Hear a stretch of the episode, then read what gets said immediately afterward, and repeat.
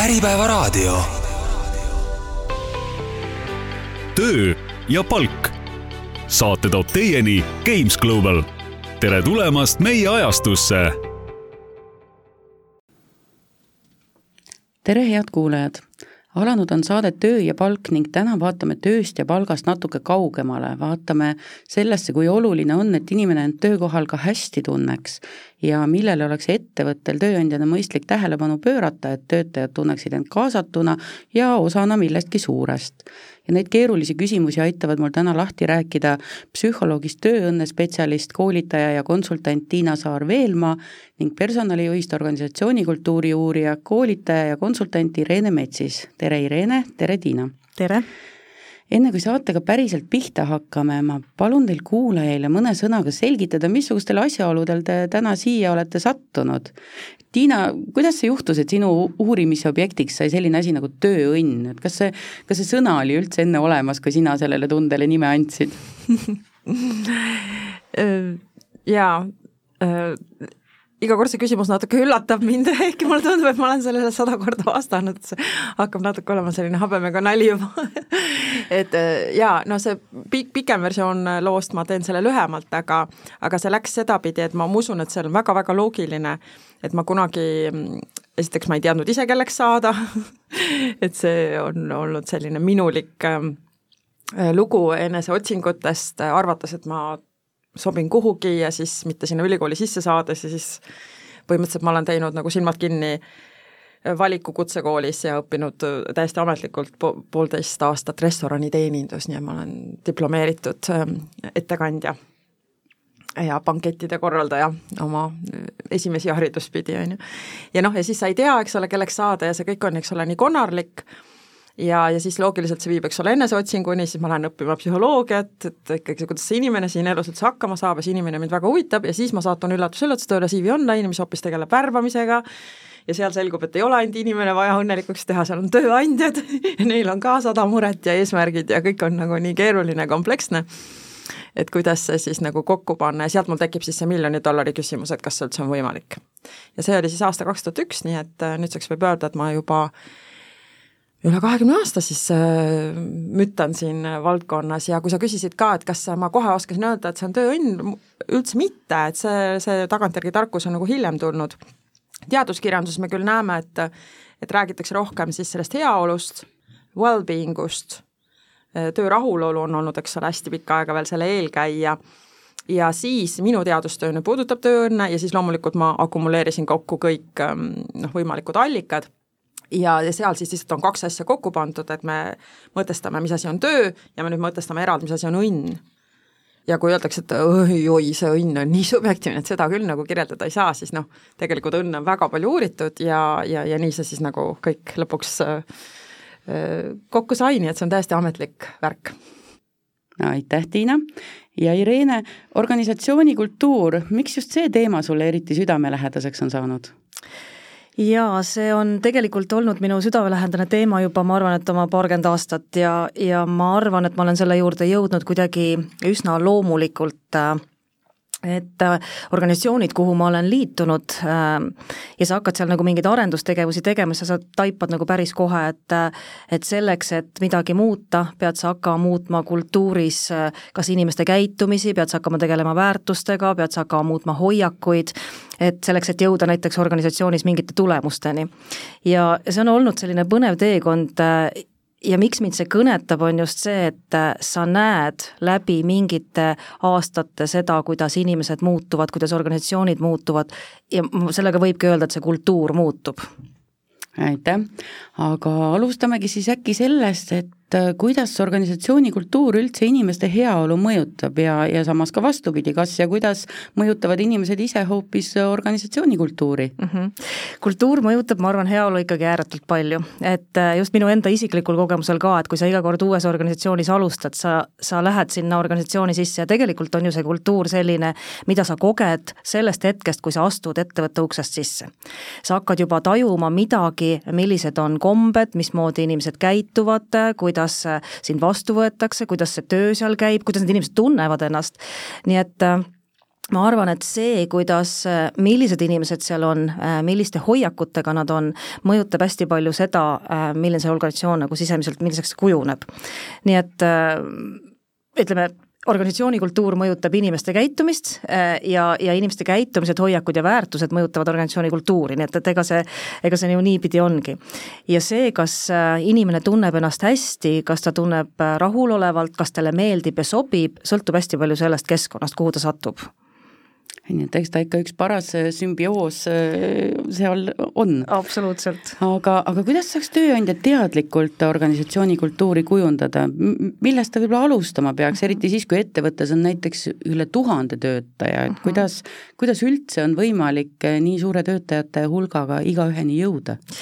Ja eks ta on niisugune paras keerukas ja ma arvan, et kõige raskem ülesanne ongi nendel inimestel, kus äh, organisatsioonis on palju inimesi ja võib-olla need inimesed on ka laiali veel erinevates kohtades, eks, et teeb selle ülesande hästi nagu, nagu mitmekesiseks. aga noh, millest kindlasti alustada, on see, et äh, esimene asi, mis ma alati ikkagi ütlen, et on küsimus, miks miks meil on vaja üldse midagi teha ja mida me tahame teha, et kas seda muutust on vaja, miks seda muutust on vaja ja kuhu me siis ikkagi jõuda tahame, et, et noh, minu arust need asjad on hästi olulised, mis peaks endale nagu päris selgeks mõtlema. ja ühtepidi võib öelda, et see on nagu personalijuhi roll, aga mina ikkagi ütlen, et äh, organisatsiooni juhtkond on see, kes seda kultuuri hakkab nagu natukene ka looma. Äh, ega ju öeldakse seda, et organisatsioon läheb oma juhi nägu ja tegelikkuses see täpselt nii ongi, et ma olen seda ise ka nagu päris mitmetel kordadel näinud,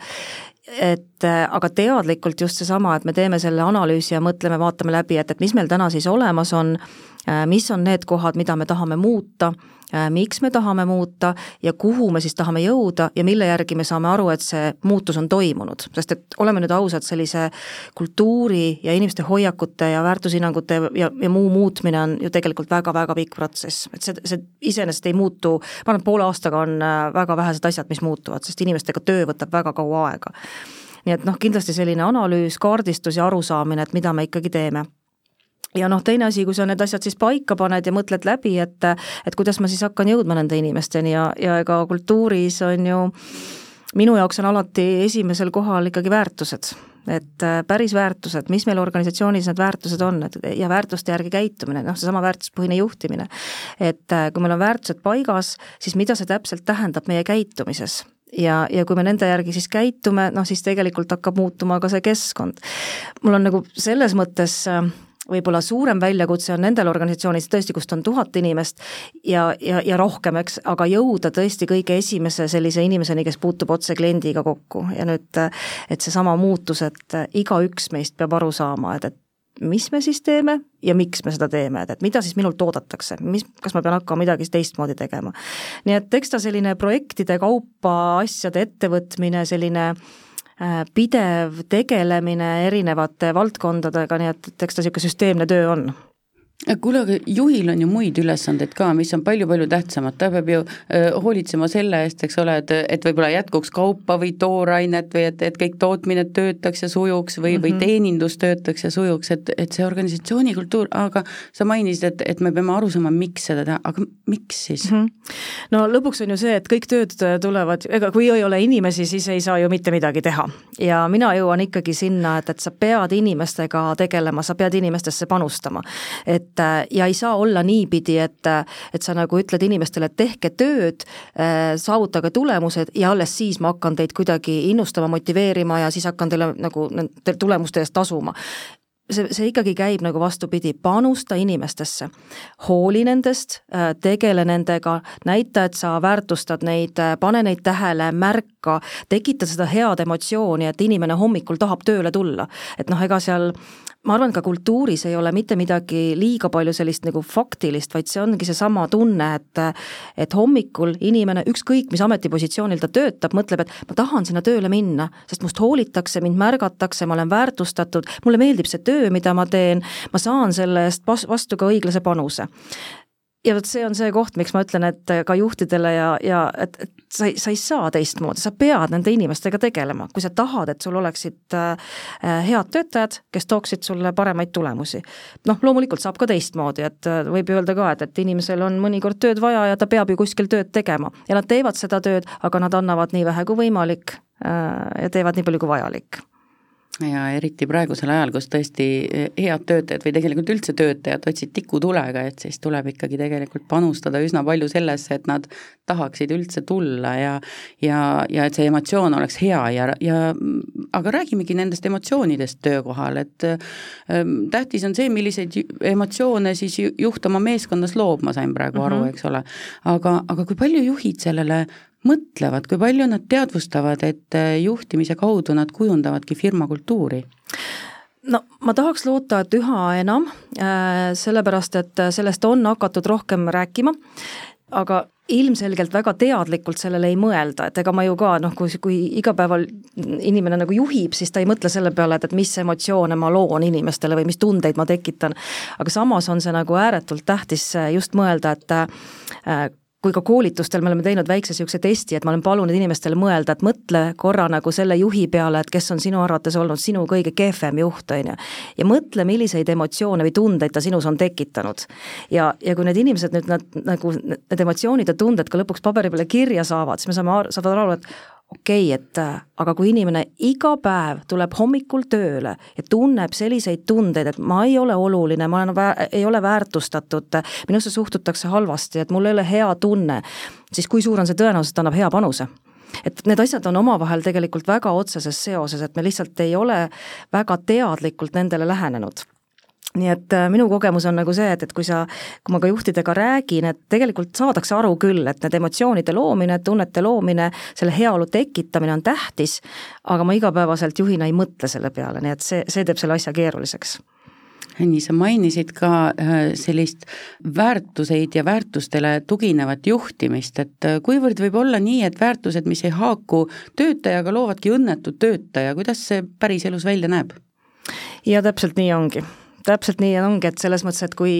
töötaja, kelle väärtused ei ühti organisatsiooni väärtustega, töötab selles keskkonnas pikemat aega, siis äh, ega see noh, ega sealt kaugel ei ole need teemad, kus tekib stress, vaimse tervise probleemid, äh, enda sellised noh, alaväärsustunne, kõik sellised asjad. Ja eriti kurb on veel see, mida mina olen tihti ka kuulnud, kuna noh, minu kogemus on just hästi palju selliste eesliini töötajatega ja, ja võib-olla oskustöölistega, et mida nad nagu ütlevad, et jah, mulle ei meeldi ja ei sobi ja töö ka väga ei meeldi, aga kuskil peab peab ju käima, kuskilt peab seda palka saama. ja, ja, ja sa näed, kui kurb tegelikult see on, et, et iseenesest olekski ju ideaalne see, et, et kui ma leian selle organisatsiooni, selle meeskonna, kus need väärtused haakuvad, see käitumine, väärtuspõhine käitumine on täpselt sobilik mulle eh, ja ma sobitun sellesse keskkonda, noh siis oleks nagu ideaalne. aga jah, praktilises elus äh, ma tahaks loota, et neid inimesi on rohkem, aga reaalses elus neid võib olla päris palju, kellel see võib-olla ei pruugi kokku sobida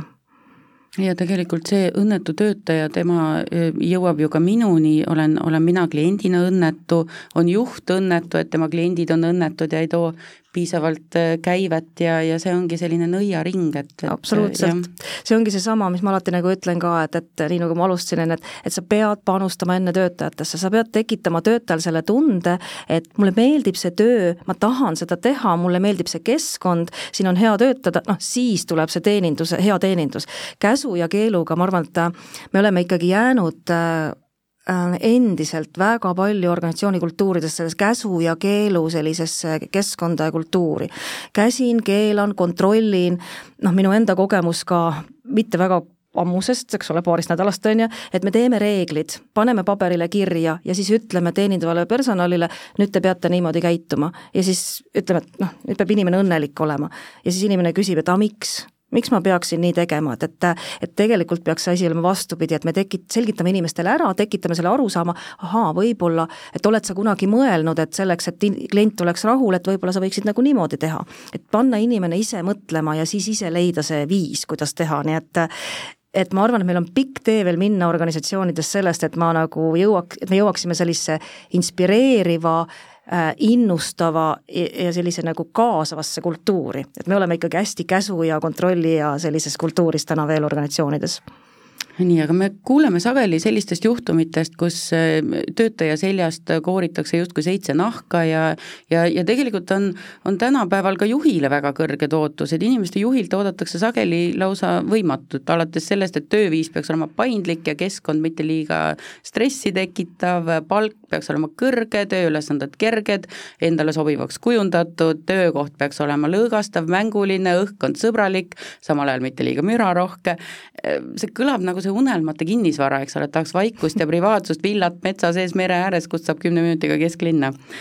aga, aga kuidas see juht ise selliste nõudmiste koorma all peaks nagu toime tulema või hakkama saama? Ja no vot, see ongi see minu murekoht, et äh, kahjuks äh, kuidagi äh, hästi palju räägitakse ja pea, mina arvan, et peale seda Covidit hakatigi rääkima, et juhid on hästi olulised, juhid peavad tegema kõike, nii nagu sa siin kirjeldasid, et ja see on nagu see pool, mida ka ma juhtidena näen, et need vaesed juhid on täna läbi põlenud. et nendelt oodatakse nagu liiga palju. et ta peab olema nagu tsirkuse just, direktor ja pakkuma sellist meelelahutust just, ja et kõike, no absoluutselt kõike ja, ja kui midagi on pahasti, midagi on halvasti, inimesed ei ole rahul,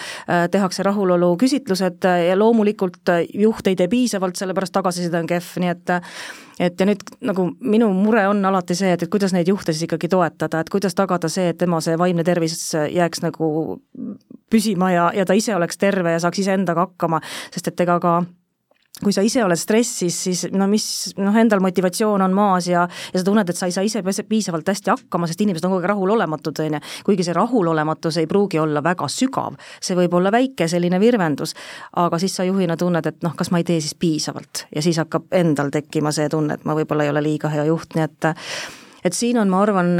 noh, ei oskagi öelda, et eks neid meetodeid on, kuidas keegi, aga ma arvan, et võib-olla ka organisatsiooni sees võiksid äh, personalitöötajad, personalijuhid, teised juhid, juhtkond mõelda nagu selle peale, et kuidas luua seda toetusvõrgustikku esma-, kesk- ja tippjuhtidele, et et just need võib-olla esmatasandi juhid on ju kõige operatiivsema elu sees ja nende stressitase on väga-väga kõrge, noh siis me võime keskastme juhtidena täpselt sama, et nendele seda tugivõrgustikku, et mitte ainult nagu koolituste näol, mida tehakse päris palju äh, personalijuhtide poolt, et tõesti sellised juhtide arenguprogrammid, aga just selline toetusvõrgustik, toetussüsteem, äh, mingisugused toetusvõimalused, äh, kuidas luua seda tugivõrgustikku just esma- ja keskastme juhtidele, sest tippjuhid ilmselt nendel ka, aga nad leiavad võib-olla natuke rohkem, et neil on noh, oma sellised mentorid, coach'id ja kõik need. No aga mis teie kogemus üldse näitab, kui paljudel juhtidel tegelikult on olemas oskused ja teadmised oma, oma meeskonna liikmete toetamisest, kui palju nad üldse teadlikud on? No mitte liiga palju, organisatsioonid ilmselt erinevad, ma arvan, et äh, on kindlasti äh, ju väga palju juhte, kus on see teadlikkus ja oskus kõrge ja see on kindlasti muutunud, aga jah, minu kogemus, kuna ma olen nagu teadlikult valinud endale sellised keerukamad organisatsioonid ka, oleme nüüd ausad, et kus on ikkagi äh, sellist eesliini hästi palju, ma arvan, et üle, kaks kolmandikku on eesliini ja, ja siis need operatiivtasandi juhid, kes siis iga päev möllavad seal selles probleemide keerises ja, ja lahendavad mitte niivõrd Äh, ennetavalt inimeste teemasid, kuivõrd lahendavad lihtsalt kustutavad tulekahjusid sõna otseses mõttes, on ju, kui on probleem, siis ma lahendan, kui on mure, siis ma tegelen, et ega see teadlikkus liiga kõrge ei ole, et ja teiselt poolt selline iseenda ka hakkamasaamise teadlikkus, ega see ka liiga kõrge ei ole, nii et ja, ja mulle nagu tundub ka kohati, et üsna sageli on ka see, et see juhi rolli teadlikkus, et mida mult siis juhina oodatakse, et et see rolli selgus ja võib-olla see on see koht, mida peaks organisatsioonides rohkem nagu tegema, et mõtlema läbi Äh, mida siis konkreetne organisatsioon sellelt juhilt ootab ja organisatsioonide ootused juhtidel on hästi erinevad. et võivad olla sarnase valdkonna organisatsioonid, aga ootused juhile, mida siis oodatakse kas esma- või kesktasandilt, on täiesti erinevad. nii et võib-olla see selgus lihtsalt, rohkem selgust luua, sest ega see aitab ka kaasa. Tiina, mida sinu kogemus näitab, kuidas, kuidas tulevad toime need juhid, kellega sina oled kokku puutunud, kas on kogemus sama mul vist kõige suurem ähm, selline haakuvus praegu selles juhtimiskultuuri mingis mõttes muutuses on, on sellega, et et kuidas me saaksime luua olukorra, kus nii juhid kui töötajad tunnevad, et tegelikult nad on samal poolel, et nad ei ole opositsioonis, et juhid ei taha midagi sellist, mida töötajad ei tahaks või või töötajad on omadega täiesti teises kohas kui, kui see, mida juhid on nagu suutelised mm, pakkuma ja see on viinud mind ka nagu mõttele, et et kogu selles nagu keerukuses mu, mulle tundub, et me peaksime selle pusle nüüd mingis mõttes nagu uuesti lahti võtma ja see on ka üks, üks küsimus, mida ma tihti küsin organisatsioonidel, mm, ka juhtidelt, aga, aga laiemalt, et kelle elu te üldse päästate siin? et mis, mis see on, mis on selle tähendus, mis on selle sügavam mõte ja ausalt öeldes kaheksakümne protsendil juhul, juhtudel ma avastan, et sellega ei ole tegeletud. Et see sügavam arusaam, mida me siin tegemas oleme, on, on justkui puudu. ja see kõik ongi taandunud nagu protsesside, selliste igapäevaste, argiste eh, tegevuste eh, tükikeste rägastikku et asju tehakse justkui sellepärast, et, et teised teevad ja et nii tehakse. aga, aga no. et läbi on mõtlemata, miks me seda teeme. või noh, selles mõttes, et see masinavärk on, eks ole, käima lükatud ja nüüd me lihtsalt teeme. et väga suur raskus on vahel juhtidel endilgi mõelda, et manada oma silme ette selle inimese silmad, keda me nagu päriselt päästame, eks. et kipub ikka see mõte minema sinna, et see on ju, käivet on vaja kasvatada, eks. ja see on üks asi, mis ilmselt on nagu võõrandanud just nimelt siis inimesed organisatsioonidest või, või töötajad juhtidest, sest äh, üks asi, mis ka tööõnnega ju haagib, on see, et inimesed tahavad tunda ennast olulisena. mitte ainult läbi selle, et äh, et, et seal on see elementaarne hügieen seal töökohal ümber, vaid läbi selle, et ma teen midagi, mis on mõttekas. et ma ei raiska oma elu niisama, eks ole, et mul on, ma saan aru sellest, mida ma teen, see teeb mind kompetentseks, ma saan aru, kelle elu see päästab ja nii edasi ehk et jaa, et äh, ma olen jah, jõudnud nagu sinna kohta, et oleks rohkem sellist südikust nagu võtta nüüd uuesti lahti osadeks see toimimisvaldkond, kus me oleme, miks me seda teeme, ja siis hakata koos, nagu sina ka ütlesid, seal teeninduses, et äh, mina väga tihti teenindusorganisatsioonides teen sellist äh, teenuse teekonna disaini nii, et ma luban teenindajatel olla ise kliendikingades ja, ja kohe mõnuga ja pikalt ja siis kujundada selline ideaalne teenindusteekond. ja inimesed väga loovad ja jõuavad väga-väga kihvtidele tulemustele, et milline see peaks olema, eks ole, ja siis me hiljem hakkame vaatama, et kuidas sellest siis no kas nüüd saja, sajal protsendil või, või kogumääral, aga aga et kuidas see siis kaasa võtta äh, sellesse kohta, kui ma olen siis ise see teenindaja, kes peaks sellist äh, kogemust looma ja, ja muidugi teine, mis selle juhtide ähm, olemise ja kultuuri asja, asjus mind nagu morjendab praegusel ajal, on ikkagi see tohutu intensiivsus, nagu mainisidki, et noh, et neid nõudmisi tuleb üha juurde, aga minu kogemus on ka see, et enamus organisatsioone telliks täna kuldkallalt aega. et aega, et ähm, ma ei tea, näiteks kas või üks koosolek ära lõpetada, enne kui teine algab. aega, et oleks sisulisi vestlusi mõnus pidada, ilma et kuskil oleks jälle mingi tulekahi, mida kustutada, aeg-ajalt puhata. noh, meil on jätkuvalt töökohti, kus inimestel ei ole aega süüa, veel õudsem, osades kohtades pole aega isegi vetsus käia. et, et selline ka, selline tohutu selline orav rattas ja, ja, ja, ja väga pingeline, väga kiirustav mm, kultuur et see on ka nagu noh, loonud mingis mõttes olukorra, et me oleme nagu noh, umbes lendame lennuki kiirusel ja siis loomulikult sul jäävadki märkamata need mikrodetailid, et mul üks luuletus algab sõnadega, et kuidas lennuki kiiruselt nuusutada lille või puudutada liblikat. ei saagi. et hakkavadki toimuma kokkupõrked, äh, probleemid, konfliktid, mul on ridamisi klientide hulgas tootmisettevõtted, kes ütlevad, et tootmisega enam tegeleda ei saa, sest me lahendame inimestevahelisi probleeme. et see kultuur on läinud nii toksiliseks ja äh, ja siis me ainult jangutame seal, eks ole. põhimõtteliselt noh, enamus neid juhte peab olema täna hoopis siis suhtekorraldajad ja lepitajad ja diplomaadid mm -hmm. ja ja, ja psühholoogid ja terapeudid seal, eks. ja ma ise nüüd arvan, et noh, suurel määral see ongi see intensiivsuse tagajärg, et me ei ole hakanud mõtestama uuesti lahti, mida me teeme, kellele me teeme, mis on selle sügavam mõte, mis probleemi me üldse lahendame siin, on ju. ja et inimesed ei ole kaasatud sellesse ikkagi, või tähendab, hästi toimivates organisatsioonides loomulikult on, aga, aga suure tõenäosusega, kui probleemid juba eksisteerivad, siis midagi on selles nii-öelda algses teekaardis nagu läinud, läinud vussi. ja siis ongi nii,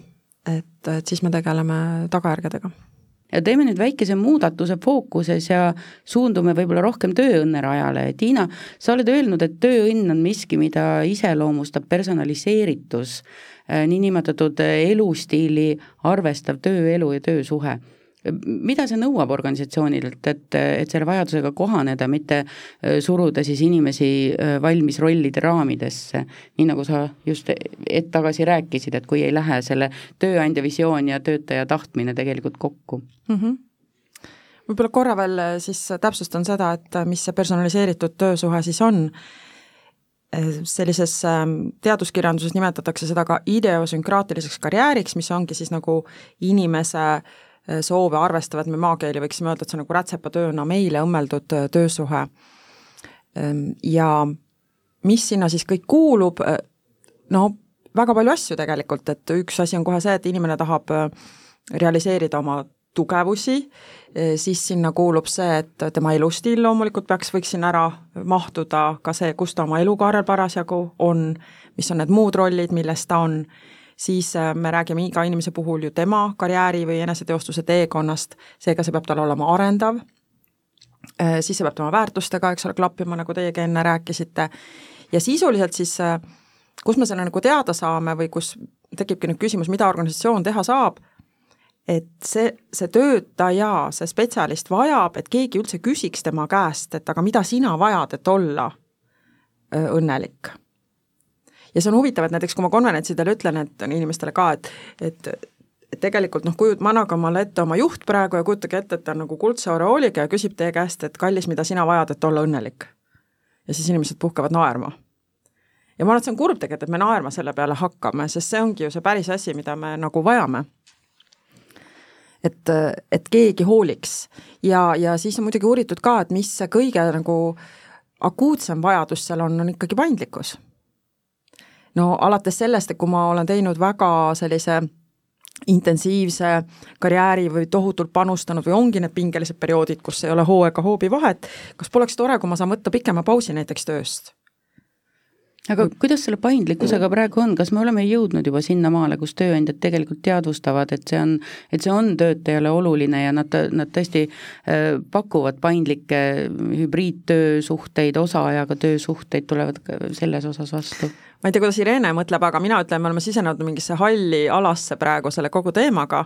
sest et, et tegelikult noh, see on koroonaaja kingitus mingis mõttes, et me saime mingid asjad nii-öelda äh, Äh,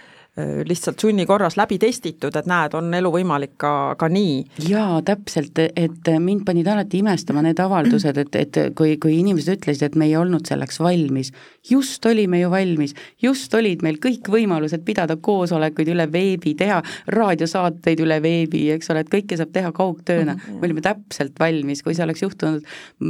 kümmekond aastat varem, vot siis me oleks olnud tõelises hädas. aga et see avas ja nii paljud võimalused mm. -hmm. see, mida mina nüüd kahjuks küll näen, et äh, jah, ma olen hästi nõus, et kuidagi nagu hall ala on kindlasti üks, aga mis minu jaoks on nagu eriti kurb, äh, me hakkame tagasi minema mm -hmm. nende vanade rööbaste peale. et äh, see korraks oli kuidagi selline paindlikkus nagu väga nagu normaalsus. Ja täna on nagu minu jaoks isegi mõnes organisatsioonis täiesti üllatav ja ka koolitustel, kus mul istuvad näiteks keskastme juhid, ütlevad, et ei no aga meie tippjuht ütles, et ei ole nüüd midagi, et nüüd kontorisse ja kui tahate ainult ühte, et üks päev nädalas saate olla ainult vaba, et et see mulle tundub, et me ikkagi ei ole sellega harjunud ja mida mina näen, on see, et me ei usalda oma inimesi me absoluutselt ei usalda oma inimesi, et, et kui ma pean nagu ka juhtidega igapäevaselt rääkima, et, et kui juht ütleb, et aga ma ei tea, mis need inimesed seal kodus siis teevad. aga, ta ju, aga kas nad ei nii... veendunud siis selles, et tegelikult sai töö tehtud ja, ju? aga mina küsin selle peale, et nii, et kui sina ei tea, mida need inimesed seal kodus teevad, kellele sa otsa peaks vaatama? iseendale sina oled juht, eks ole, sina pead tagama selle töö, sa pead äh, vaat-, noh, aru saama, et, et inimesed teevad seal tööd, on ju, et, et või siia juurde tuleb ka see illusioon, et kui ma näen teda, mis garantii on siis see, et ma tean, et ta Just. nagu oma täispotentsiaaliga teeb seda tööd, et mitte, et ta ei mõtle paralleelselt muid asju yeah. või ei kiru oma mõttes seda yeah. tööandjat. no mina küsisin ühele juhi käest konkreetselt, on ju, ta ütles ka, et näiteks, et, et raamatupidajad, et ma tahan, et nad on mul kontoris, on ju, et no sest no kodus ma ei tea, mis need naised seal teevad, on ju. et ja siis ma ütlesin, et nii, aga need raamatupidajad istuvad sul oma kabinetis kust sa tead, et nad sul tööd teevad? Just, Tetrist, te, Tetrist mängida ma saan tegelikult juhi vastas istudes just. ka, on ju. ja siis oli ja. sellel juhil, et hmm, no tegelikult on sul jumala õigus, ega ma ei teagi. võib-olla see lihtsalt näitab seda, et nüüd, nüüd tuleb hästi pinnale see, et kes on sellised elujõulised organisatsioonid, kes võtavad sellest kogemusest parima, see tähendab seda, loomulikult vanamoodi me enam ei saa, et see tähendab, et me loome täiesti uued süsteemid info liikumiseks, tunnustamiseks, märkamiseks, sünkroniseerimiseks ja kõigeks muuks. et see peab olema täiesti eraldi selline kultuurikiht, mis Just. või, või selline nagu nagu restart sellele, kuidas me oleme toiminud. sest see on võimalik, see on väga tõhus ja, ja see on, see on nüüd esimene koht, kus seda paindlikkust me saame tõepoolest nagu juurde äh, tekitada ja luua ja inimesed on sellega rohkem rahul, on ju et võib-olla siin on nagu see, et minu, ma nagu ka mõtlen alati seda, et, et me võiks korraga ja ma arvan, sellest hästi palju suht-, suht-, tuleb personalijuhtide poole pealt, et me võiks nendest vanadest juhtimispraktikatest tulla nüüd üle uutesse praktikatesse, minu arust nagu see, mis sa ütlesid ilusti, et mõelda natukene selle tuleviku peale, et et see, mis toimis nagu enne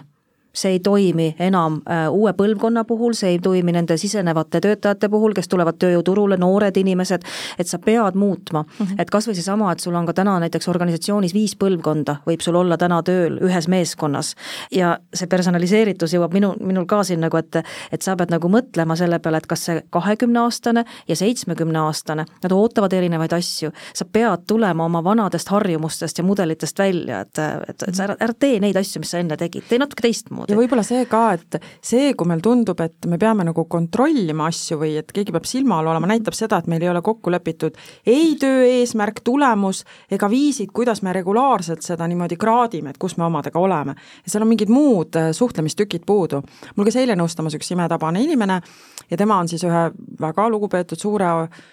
Eesti tipporganisatsiooni juhatuse liikme äh, assistent ja, ja no kujutage ette, noh, assisteeriv töö, no see on ju, see on puhas kontoritöö tegelikult, eks ju. ja neil oli sama, sama jutt seal, et äh, kuigi töövestlusel, tööintervjuul oli selge lubadus, et inimene saab töötada soovi korral kodust ja kombineerida, siis nüüd nad on jõudnud selleni, et ma ikkagi soovin, et sa oleksid kontoris kella mm. viieni ja kui see töötaja siis küsis, et miks ometi, sest see on nüüd viinud väärtuskonfliktini, kus tema tahab lahkuda sealt, sest ta ei näe sellel suuremat mõtet, et lõpetada siis see töösuhe ikkagi ära juba katse ajal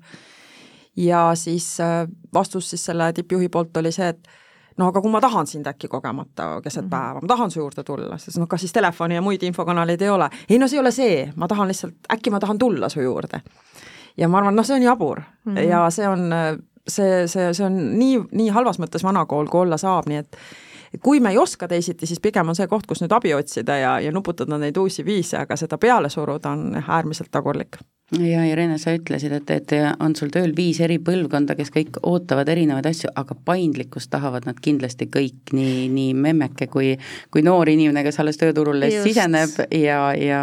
ja tegelikult on nüüd ka äh, siis töötaja ülesanne mitte mitte anda järele, mitte minna tagasi sinna another brick in the wall tasemele, et, et me oleme kõik ühtede samade reeglite järgi, töötame ja toimime. võib-olla siin on hea, mulle nagu hästi meeldis ja ma arvan, et see oli umbes kümme aastat tagasi võis see olla, kus Kai Realo tegelikult ütles esimest korda välja selle, et et mitte töötajad ei pea kohanema organisatsiooni järgi, vaid organisatsioon peab kohanema selle järgi, mis tööjõuturul on, sest vastasel korral ei ole sul inimesi. ja vot see on nüüd nagu üks keerukas koht just sellistes organisatsioonidest, mille ajalugu on ma ei tea, viiskümmend, kuuskümmend, sada aastat, on ju, et et kus ei, ei tule organisatsioon kaasa sellega, et, et, et saage aru, kulla inimesed, et teil ei ole varsti tööjõuturult kedagi siia võtta. et sest, et inimesed tahavad kõik täna seda paindlikkust ja see paindlikkus, noh, kui ma olen vaielnud ka juhtidega, et, et ei no aga mis paindlikkus saab olla turvatöötajal või bussijuhil, eks ole saab küll, see paindlikkus on tema sellises väikses nagu rollis, et seal on väga palju tegelikult tal võimalik otsustada, vaadata, kas või seesama, et ma valin, mul on võimalik graafikuid valida iseenda järgi, on ju, et, et et jällegi see süsteemide muutmine, me peame olema julged oma organisatsioonis neid süsteeme muutma ja laskma lahti sellest, mis on kogu aeg olnud, et see nii on kogu aeg olnud, ei tööta enam. ja võib-olla siin sinuga resoneerudes järgmine asi, mille pärast me muretseme, kus on näha, et see nii-öelda eh, elustiilipõhine või inimkeskne töösuhe ei toimi, on siis sellistes organisatsioonides, organisatsioonides, kus näiteks ütleme ka turvatöötajatega, eh, vahel siis teenindajate, eesliinitöötajatega, tootmistöötajatega ei peeta näiteks arenguvestluseid mm. -hmm. või üldse mitte mingisuguseid selliseid nagu üks-ühele kohtumisi ei toimugi, sest noh, nemad noh, mis ma nendega räägin, neil ei ole ju arenguvõimalusi, neil on oma see väikene töölõik, et nühkigu seal, eks. ja see on, ma arvan, väga suur ohukoht, kui organisatsioonis selline nagu mõtteviis eksisteerib. sest seal ongi see, et ma jätan kasutamata inimeste potentsiaali, ma ei tea, mida nad tegelikult mõtlevad, ma ei kaasa neid, organisatsioon vaesub, inimesed suure tõenäosusega on rahulolematud või passiivsed. või siis, ja see passiivsus võib olla kas siis positiivne passiivsus, mis on mugavustsoon, ja ta teeb ära nii palju kui vaja, nii vähe kui võimalik, või ta on juba negatiivne passiivsus, mis tegelikult on see, et ta õõnestab et ma olen väga palju tootmisettevõtetes käinud, kus nad ütlevad, et nendes puhkeruumides noh, käib ikka selline mm. jauramine ja tagarääkimine ja see on toksiline ja see on otsene mõju nüüd äh, vaimsele tervisele ja nüüd me räägime juba psühhosotsiaalse tervise ohust tegelikult mm. -hmm. et see ei ole üldse selline kosmeetiline teema, et kas ma olen oma inimeste jaoks olemas või mitte, et peaasi, et töö saab tehtud, et see kindlasti ei saa nagu enam jätkuda. Mhm. ja see on nüüd nagu see koht, kus ma puutun ka päris palju sellega kokku, et, et see on nagu natukene niisugune hoolivise või selline arusaamise küsimus, et et no aga mida neil inimestel vaja on, et noh, mis ma nende, noh, nagu ütled, no mida sa räägid, on ju, tulevad hommikul tööle, nad ju teevad, mis nad tegema peavad, on ju, aga, aga seesama mõelda nagu selle peale, et aga ta on ka inimene, tal on ka hing sees, ta tahab ka, et keegi teda märkab ja küsib, kuule, kuidas sul läheb, kas ma saan sind kuidagi aidata? ja nüüd on äh, ka meie juhtimis sellised hierarhiad, et et organisatsioonides noh, minu kõige suurem nagu kogemus, äh, kui sul on ühel meeskonnajuhil on nelisada inimest otsealluvuses siis mis, millest me räägime, eks ole. et kui täna noh, juhtimisteooria ütleb, et kui sa nagu enam-vähem, kui sul on nagu viis kuni, kuni kaheksa, et siis on nagu see, kelleni sa veel jõuad. aga kui sul neid on juba üle kahekümne või, või sada või nelisada, siis need inimesed ongi üksi. ja vot see üksindus minu jaoks täna ka nagu tekitab, üks asi on see noh, seesama see passiiv-agressiivsus, mis neist tekib, et millega nad reageerivad organisatsiooni ja õõnestavad, aga teistpidi see üksi olek, ma arvan, et ka see on vaimselt inimesele hästi raske, sest sa ei kuulu kuskile, sest sul ei ole seda toetusvõrgustikku, noh, sul on võib-olla see suitsunurga toetusvõrgustik või kohvinurga, on ju. ja, ja seal on see suur oht, et, et see negatiivne tihti võimendub, sest negatiivsel on meie närvisüsteemile tugevam mõju ja kui keegi juba läheb sinna, ütleb noh, kirub midagi, et noh, nägite juba seda korraldust, mis tuli, siis see levib, noh, me sinna peale vajame nüüd kümmet äh, positiivset asja, eks ju nii me oleme äh, tööõnnest rääkides jõudnud sujuvalt äh, töö üksinduse ja töö kurbuseni, et, et äh, tegelikult ongi ju, ju aina enam teemaks ka vaimne väsimus ja tööstress ja töökiusamine, et kuidas, kuidas neid välja juurida, kas, kas seda on üldse võimalik välja mm. juurida või leevendada vähemalt? Mm, mm, töö, no töökiusamine, vot see on nüüd nagu niisugune selline huvitav asi, et me liiga palju sellest ole, oleme nüüd ausalt, ei räägi ja, ja võib-olla nagu, nagu see, et, et tihti ma kuulen ka seda, et meil ei ole töökiusamist no iseenesest võib-olla tundub niimoodi. aga kui sa hakkad nagu inimestega arutlema, et kuidas nad, nad seesama, eks ole, kuidas ma öö, oma meeskonnas tunnen ennast, on ju, et kuidas kolleegid minuga käituvad, kas mind kutsutakse kaasa, kas ma olen noh, seal meeskonnas hoitud, kas ma võin rääkida kõike, mida ma tegelikult arvan, kas ma võin olla mina ise või, või kui ma ei ole ja ütlen oma arvamuse välja, siis mismoodi reageeritakse. et, et mulle, mulle nagu tundub täna, et töökiusamine, see on nagu suur väljend, aga seal taga on tegelikult väga tuhandeid-tuhandeid mikrokäitumisi, mida me selline, sellisena ei defineeri, et noh, koolikiusamisest räägitakse täna kõvasti rohkem, aga tööl toimub tegelikult ikkagi täpselt sama asi, et need on need pisikesed märgid, märkused, ütlused, käitumised, suhtumised, hoiakud, mida inimesed igapäevaselt kogevad. Ja, ja minul see kuidagi umbes aasta või poolteist tagasi, kui ma käisin ühes organisatsioonis ühe kliendi juures nagu tegin kakskümmend sellist äh, töökiusamisega seotud koolitust ja see materjal oli päris hästi nende kontserni poolt kokku pandud ja, ja ka tootmistöölistega nagu arutledes nendel teemadel saime aru, et, et noh, et tegelikult see teadlikkus peale seda koolitust, inimesed said aru, et okei okay,, ma pole kunagi mõelnud, et see, et ma nähvan kellelegi, on tegelikult töökiusamine. see, et ma kellegi teadlikult jätan kogu aeg lõunale kutsumata või ignoreerin või, või, või tee tast välja, et noh, need, see on töökiusamine, et et äh, ma arvan, et see, me lihtsalt ei, ei teadvusta võib-olla seda, et aga, aga see on hästi oluline teema, millest rääkida. aga võib-olla ka seesama asi, mis sa ju enne ütlesid ka, et kui ma töötan üksi ja, ja ütleme, juhid või organisatsioon ei pea vajalikuks, et igaühel on keegi, kelle sülle panna pea, et mul toimuvad mingisugusedki üks-ühele kohtumised või arenguvestlused, siis see on see, et ma jään ilma tagasiside tagasisidest mm -hmm. tegelikult, ma jään ilma süsteemsest tagasisidest, mis tähendab seda, et ma pean kõik selle ise oma peas välja mõtlema ja ma arvan, et töökiusu võib mõelda ka nii, et see on see olukord, kus töö või tööga seonduv hakkab meid inimesena kiusama. ja kus me sellest aru saame, ma lähen koju, ma veel muretsen mingite asjade üle, ma mõtlen või ma ventileerin mingisuguseid tööga seonduvaid situatsioone oma lähedastega, et see on see, kui töö, et me, me ei, nagu see ainevahetus ei toimi seal kohapeal nii hästi ja tekivad nagu jääknähud eks, ja mm, -hmm. ja mhm. see, see tuleb meie ellu kaasa ja mul ei ole kuskile nende asjadega minna. et ma arvan, see on hästi selge nagu Just. Äh, märk ja, ja loomulikult ka seal, eks ole, eksisteerib see hall ala, et kui palju tänagi on nii, et et inimesed, noh justkui need töösuhted, kas siis tekib sinna see koondamine või kuidagi lõpetatakse ära või inimesele ei pakuta, eks ole, seda uut võimalust või, või kas või see, et ma ütleks, et iga tööandja püha eesmärk on soovida muuta oma inimesed ilusamaks, paremaks, targemaks. Et iga päev töötamist muudab meid väärtuslikumaks seal, kus me oleme. ja see ei ole see, et oo, meil ei ole siin pakkuda erinevaid, ma ei tea, karjääri, karjäärivõimalusi või meil ei ole seda edutamist,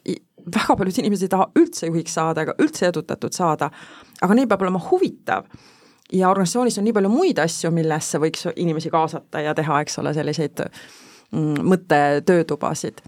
Et juba see mingis mõttes on ka ju, liigitub sinna töökiusamise valdkonna, kui mingisugust arengut ei toimu. Ja ühel hetkel minu konkurentsivõime hakkab siis töötajana alla käima ja siis ma jään ühel hetkel äkki sellest tööst hoopis ilma ja siis ma avastan, et issand jumal, aga vahepeal on kõik muud rongid mööda läinud, ma näen küllaga inimesi, kelle enesehinnang peale mingi pika töösuhte lõppu on noh, täiesti talla all. Et nad noh, küsivad endalt, mis ma üldse väärt olen, kes ma olen, kes mind üldse tahab. ja on tendents valida seda uut töökohta siis noh, sama või madalama Sarnaselt, tööpalgaga, kui see oli, mis on ju absurdne, sest tegelikult mm tegelikult me oleme nagu patareid, me läheme kogu aeg väärtuslikumaks, me ju akumuleerime elust ju kogemust ja teadmisi ja tarkust ja et äh, põhimõtteliselt äh, küpsedes me kogu aeg peaksime muutma kallimaks ja ilusamaks ja paremaks. nii et, et põhiline, millest alustada tööõnne äh, või, või selle töökiusamise lõpetamiseks, on siis just seda teadlikkust levitada, et, et mis see, mis see töökiusamine siis on, aga aga tihtipeale ei olegi ju kolleegid või juht need, kes, kes kiusavad, tihtipeale on suurimad kiusajad hoopis kliendid, et kuidas äh, juht peab äh, oma inimesi toetama, et need klientide eest kaitsta mm? -hmm. ma arvan, et see on ka võib-olla selline asi, mis äh, noh, ega nii nagu ikka ikkagi inimene on üks tervik, et, et tegelikult pole ju vahet, kus tuleb see negatiivne mõjutus või see negatiivne foon ja ja ma hästi hindan neid organisatsioone, kes on võtnud nagu endale ikkagi eesmärgiks nüüd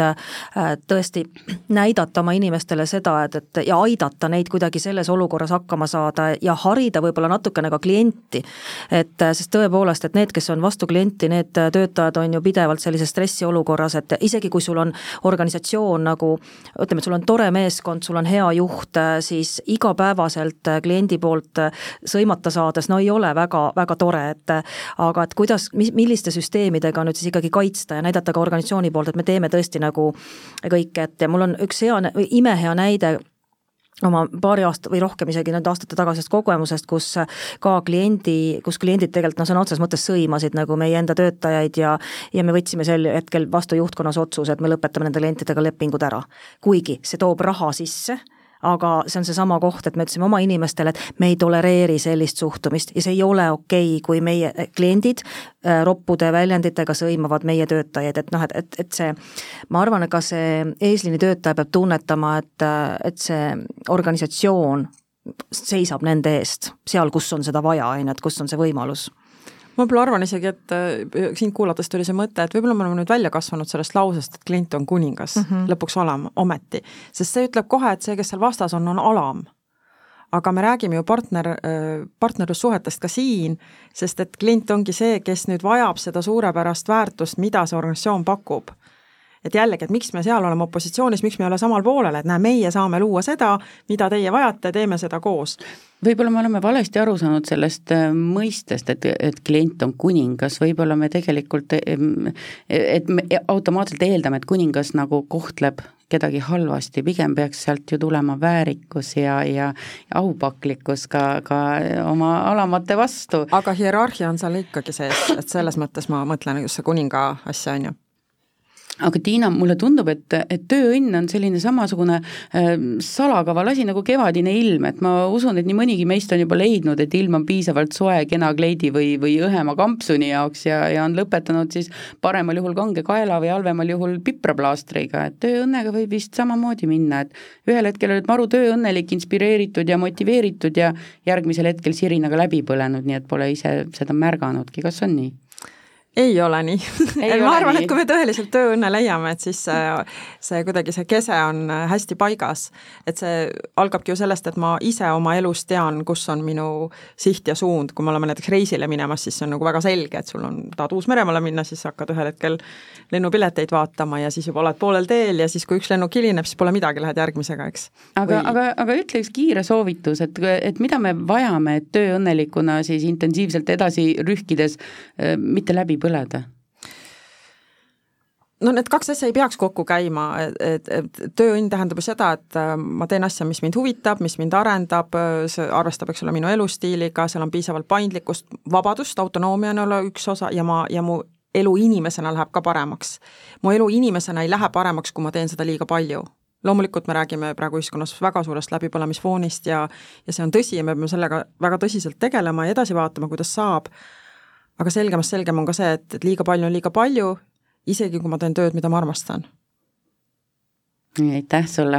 Äh, ja aitäh, Irene ja, ja selline sai tänane saade Töö ja palk. mina olen personaliuudiste juht Helen Roots ja mul olid täna külas Tiina Saar-Veelma ja Irene Metsis ja kes tunneb, et see teema jäi täna kuidagi pooleli või et üht-teist tahaks veel küsida ja täpsustada, siis tegelikult te saate seda teha juba kaheksandal, üheksandal juunil inspiratsioonifestivalil personalitöötajate suvepäevad, kus mõlemad tänased saatekülalised astuvad üles põnevates ja praktilistes töötubades, et jagada teile näpunäiteid ja pakkuda tööriistu, mis teile teie igapäevatöös kindlasti kasuks tulevad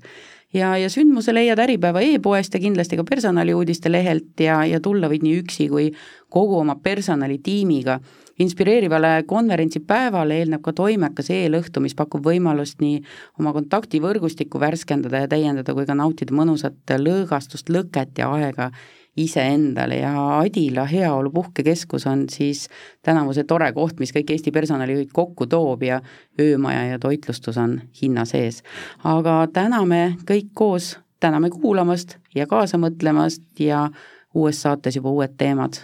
kena päeva!